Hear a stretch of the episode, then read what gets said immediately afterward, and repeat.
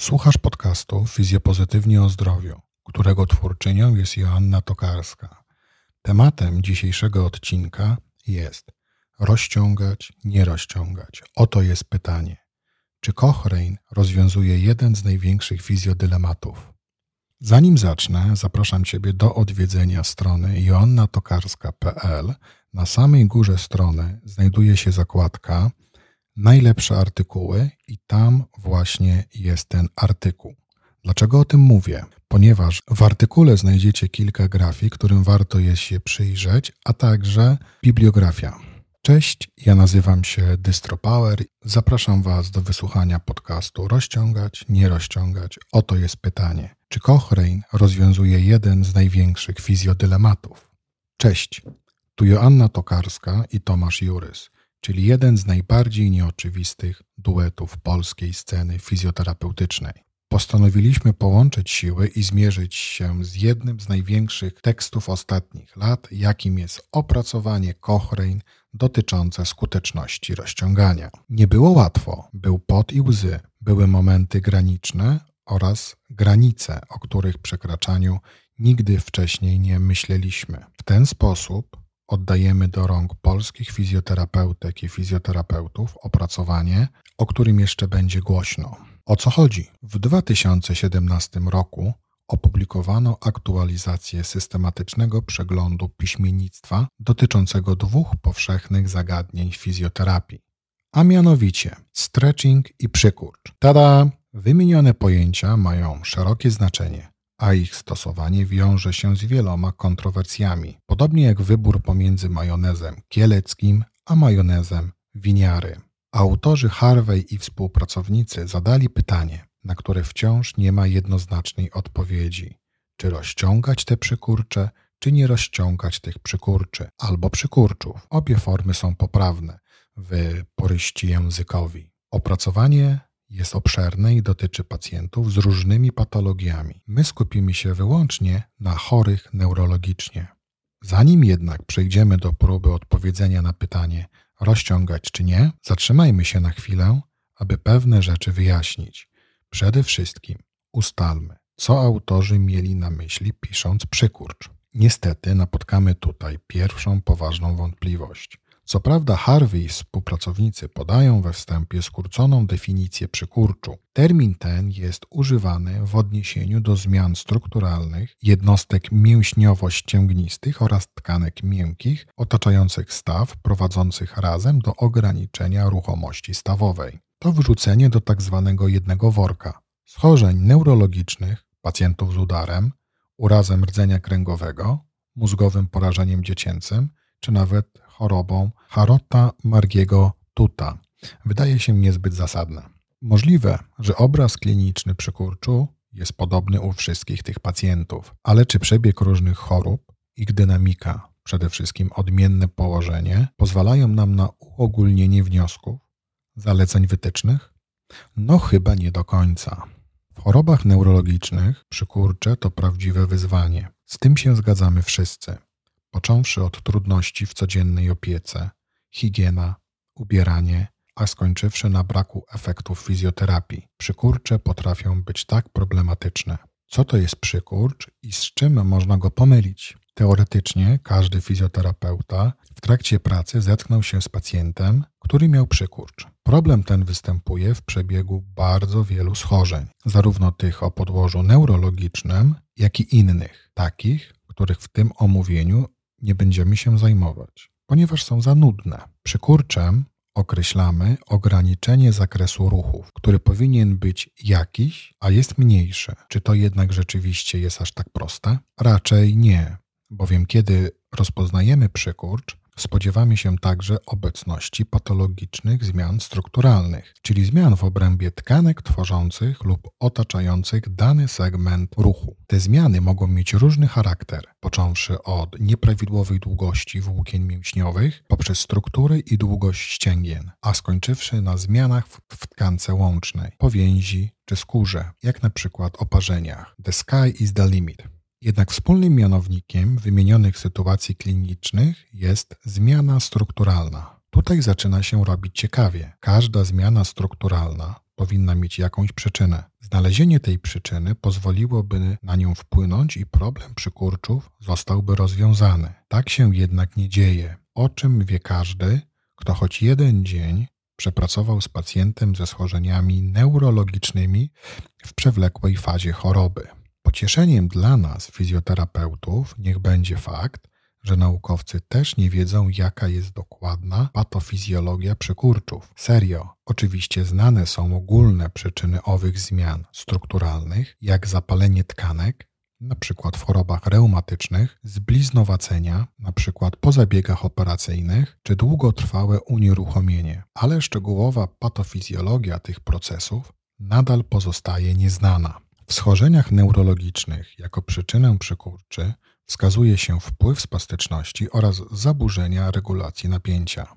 Spastyczność zmniejsza możliwość ruchu i to ograniczenie prowadzi do zmian w strukturze tkanek, bo nie bywają one w pozycji pełnego zakresu ruchu, co w konsekwencji prowadzi do rozwoju przykurczów. Należy tu sobie jednak zadać jedno bardzo ważne pytanie. Czy każda spastyczna część ciała jest dotknięta przykurczem? Otóż nie. Istnieje możliwość, że zakres ruchu jest zachowany i pomimo obserwowanej spastyczności, badanie ruchomości daje wynik prawidłowy. Dlaczego to jest ważne? Bo inny efekt leczenia ruchem mamy w sytuacji zdrowych tkanek, a wadliwych sygnałów z OWN, a inny, gdy tkanki już zardzewiały, czyli obecne są zmiany strukturalne. Sytuacja, której dotyczy omawiany przez nas przegląd piśmiennictwa, to właśnie leczenie zardzewiałych tkanek. Czyli mówiąc wprost, jest to próba odpowiedzi na pytanie, czy poprzez stretching można rozciągać tkankę, która jest już zmieniona chorobowo u osób ze schorzeniami neurologicznymi, ale nie zawsze ze spastycznością. Ot taki myk w całej tej historii. Stretching stretchingowi nierówny, no chyba, że wcale nie. Harvey i współpracownicy zdefiniowali stretching jako wszystkie techniki obejmujące mechaniczne wydłużenie tkanek miękkich przez różne okresy czasu. Rozciągasz pacjentowi stopy przez 3 minuty własnymi rękami? Liczy się. Wkładasz tę samą stopę w gips i zmieniasz go za tydzień? Liczy się. Podkładasz poduszkę pod stopę na noc? Nie zgadniesz. Liczy się. Tworzenie przeglądu literatury jest trochę podobne do gotowania owsianki. Myśląc o wsianka, wyobrażasz sobie jednolitą papkę składającą się z płatków i mleka. W tym wypadku zawiera ona także orzechy, rodzynki, ziarna lnu, a nawet grubo pokrojonego banana. Jednym słowem, nie jest jednorodna. Statystycy powiedzieliby, że jej homogeniczność jest nienachalna, ale o tym później. Z czego składa się nasza owsianka i jaka jest wartość odżywcza jej składników? Opisane interwencje można podzielić na dwie grupy. Do pierwszej zaliczymy te, których zastosowanie nie wykazało istotnego statystycznie efektu u pacjentów. Czyli te procedury nie działają, a przynajmniej ich dobroczynnego skutku nie stwierdzono w pracach uwzględnionych i w przeglądzie. Do drugiej grupy zaliczymy interwencje. Nie oszukujmy się, tu będzie tylko jedna, której skuteczność można uznać za istotną statystycznie, choć klinicznie już nie do końca. Smutna lista interwencji niepopartych dowodami naukowymi: gipsowanie, ortezy łuski, pozycjonowanie, inne metody rozciągania utrzymane w czasie. Tak wiemy, że Twoje doświadczenie kliniczne może przeczyć przytoczonym faktom. Zdajemy sobie także sprawę z tego, że prawdopodobnie stosujesz pewne procedury nieuwzględnione w tej publikacji, jak na przykład łączenie kilku metod naraz albo prowadzisz terapię w sposób w ogólnie niewymieniony w tym przeglądzie. Właśnie dlatego tak ważne jest dokumentowanie swoich działań i dzielenie się z innymi swoimi obserwacjami. Jeśli nie będziemy prowadzić badań i publikować ich, to na zawsze pozostaniemy szamanami na latającym dywanie. Rzetelnie przeprowadzone i opublikowane badania pomogą podejmować decyzje kliniczne innym fizjoterapeutom. Serio, warto trochę czasu poświęcić na pracę naukową. Powróćmy teraz do stretchingu i jego tajniku. Rzeczywiście w jednym rodzaju interwencji wykazano niewielki, ale jednak efekt statystyczny. Tą interwencją była autoterapia, czyli samodzielne rozciąganie. Ale nie ekscytujmy się. Po pierwsze, średnia poprawa oscylowała w okolicy kilku stopni, konkretnie trzech, a po drugie dotyczyła pacjentów, którzy nie mieli schorzeń neurologicznych. Nucąc piosenkę Tell Me Why Bastric Boys, postanowiliśmy zostać nieustraszonymi podróżnikami na oceanie niejasności i zadaliśmy to pytanie samej autorce. Jak tylko otrzymamy odpowiedź, zamieścimy ją w tym wpisie. Dlaczego to jest ważne? Mimo swoich wad, opublikowany przegląd piśmiennictwa jest niezwykle istotny. To jeden z nielicznych tekstów naukowych, dający silne argumenty pozwalający na poważną dyskusję akademicką, ale przede wszystkim kliniczną o zasadności rozciągania w dotychczasowym ujęciu, a w szczególności o słuszności i bezpieczeństwie stretchingu w neurologii. Niestety, omawiany przegląd piśmiennictwa nie pozwala nam na wyciągnięcie tak jednoznacznych wniosków, jakbyśmy tego chcieli. Niemniej przeprowadzimy Was przez ten 170-stronicowy tekst, meandry statystyki i opracowanych wyników, a także pułapki, jakie zastawiają na nas autorzy uwzględnionych badań, którzy usilnie próbują udowodnić swoje przekonania. To wszystko zrobimy dla Was, abyście mogli sami wyciągnąć sobie wnioski, na podstawie których będziecie podejmować decyzje kliniczne. Co wynika z badania? Harvey i współpracownicy przekopali się prawie przez wszystkie znaczące bazy artykułów naukowych. Każdą publikację podali restrykcyjnym kryterium włączenia i wyłączenia co zaowocowało finalnie analizą 28 badań, w których łącznie uczestniczyło blisko 900 osób.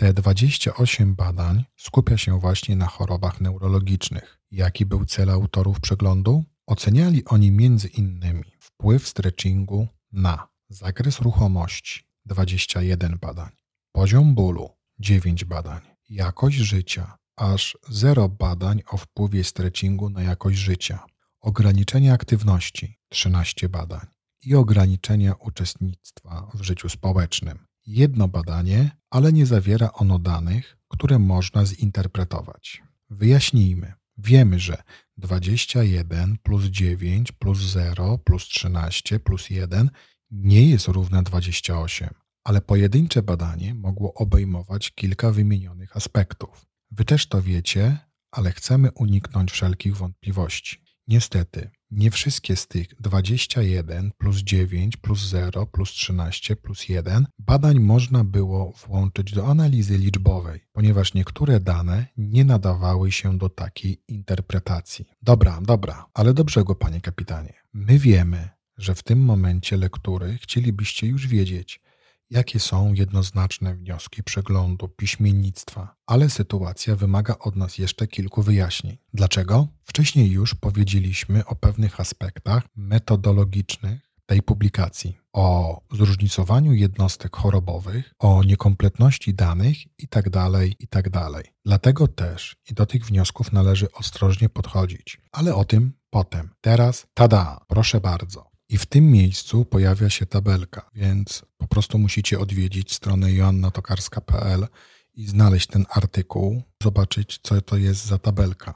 Sami przyznacie, że poprawa o 2 stopnie z zakresu ruchomości stawów przy pięciostopniowym błędzie pomiarowym na goniometrze, tylko przypominamy, to nie jest szał ciał. Analizą objęto jeszcze inne aspekty, o których już wspomnieliśmy ograniczenie aktywności i ograniczenie uczestnictwa w życiu społecznym. Wyniki wyrażono w SMD Standardized Mean Difference standaryzowanej różnicy średnich. Nie, nie bójcie się, nie zrobimy Wam teraz mega dużego wykładu o statystyce. Zaznaczmy tylko, że jeśli wartość SMD ma zakres od 0 do 0,2, to efekt terapeutyczny jest praktycznie żaden, a większość prezentowanych wyników właśnie w takich granicach się mieści. Co może pójść nie tak, czyli o problemach, o których nie mówi się głośno, albo i nie. Czy stretching jest bezpieczny? Czy możliwe jest, aby coś poszło źle w trakcie takiej terapii? Owszem, jak już zaznaczyliśmy, opracowanie podsumowuje wynik aż 28 badań dotyczących osób ze schorzeniami neurologicznymi. Jedynie 5 z nich uwzględnia jakiekolwiek informacje dotyczące ewentualnych działań niepożądanych. Raportowano o uszkodzeniach ciągłości skóry, siniakach, odciskach.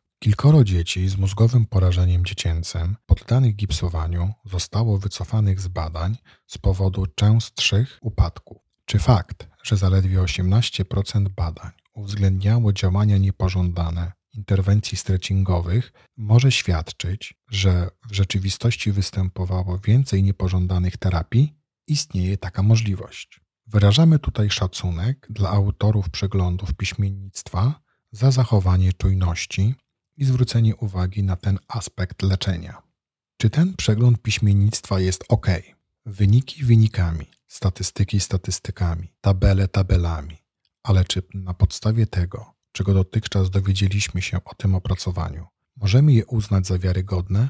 Wiarygodne, czyli takie, którego wyniki mogą stanowić podstawę do formułowania konkretnej decyzji klinicznej. Zanim postaramy się odpowiedzieć na to pytanie, chcielibyśmy dodać jeszcze garść naszych spostrzeżeń dotyczących omawianego przeglądu. Już na początku zwróciliśmy Waszą uwagę na to, że autorzy zaliczyli do jednej grupy pacjentów z wieloma schorzeniami o podłożu neurologicznym. Uważamy takie postępowanie za niezbyt słuszne, ponieważ w poszczególnych jednostkach chorobowych terapia poprzez stretching może wyglądać inaczej. Słuszność naszego twierdzenia musimy poprzeć pewnymi faktami. Przykładowo, w przypadku nabytych uszkodzeń mózgów ABI Acquired Brain Injury przedstawione łączne wyniki trzech badań oceniających krótkoterminowe efekty leczenia wskazują na to, że stretching poprawia zakres ruchomości w stawie o prawie 8,5 stopnia. Wartość istotna statystycznie i pokusimy się o stwierdzenie, że również lekko istotna klinicznie.